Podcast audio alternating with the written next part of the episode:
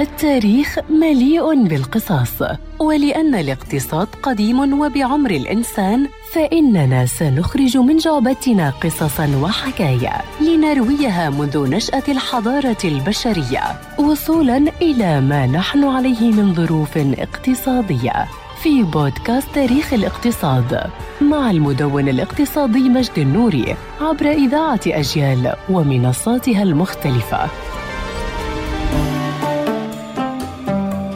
بينما لا يمكن تصور كلمة بورصة دون ذكر للأسهم أو الشركات المدرجة إلا أن تاريخ أول بورصة لم يعرف أبدا أي سهم واحد فقد كان التداول محصورا بين مقرضي الأموال في أوروبا لينشئ هؤلاء المقرضون أول بورصة في العالم عام 1531 في مدينة أونترويب في بلجيكا. ولكن ظهور شركة الهند الشرقية التي لها ما لها من تاريخ وتأثير في تاريخ الاقتصاد والتي سنسرد تاريخها في حلقات قادمة قادت هذه الشركة إلى ظهور البورصات بشكلها البدائي إذ أنها أول شركة مساهمة بمعناها الحديث في التاريخ بل إن هذه الشركة هي أحد أسس ريادة إنجلترا المالية التي انفجرت فيها ظاهرة الشركات المساهمة والتي تحول نجاحها فيما بعد لفشل كبير عرف بفقاعة بحر الجنوب فحظرت بريطانيا تداول الأسهم وإصدارها حتى عام 1825 ولكن هناك في أمريكا كانت تؤسس بورصة فيلادلفيا ثم البورصة التي ستغير وجه عالم الاستثمار وهي بورصة نيويورك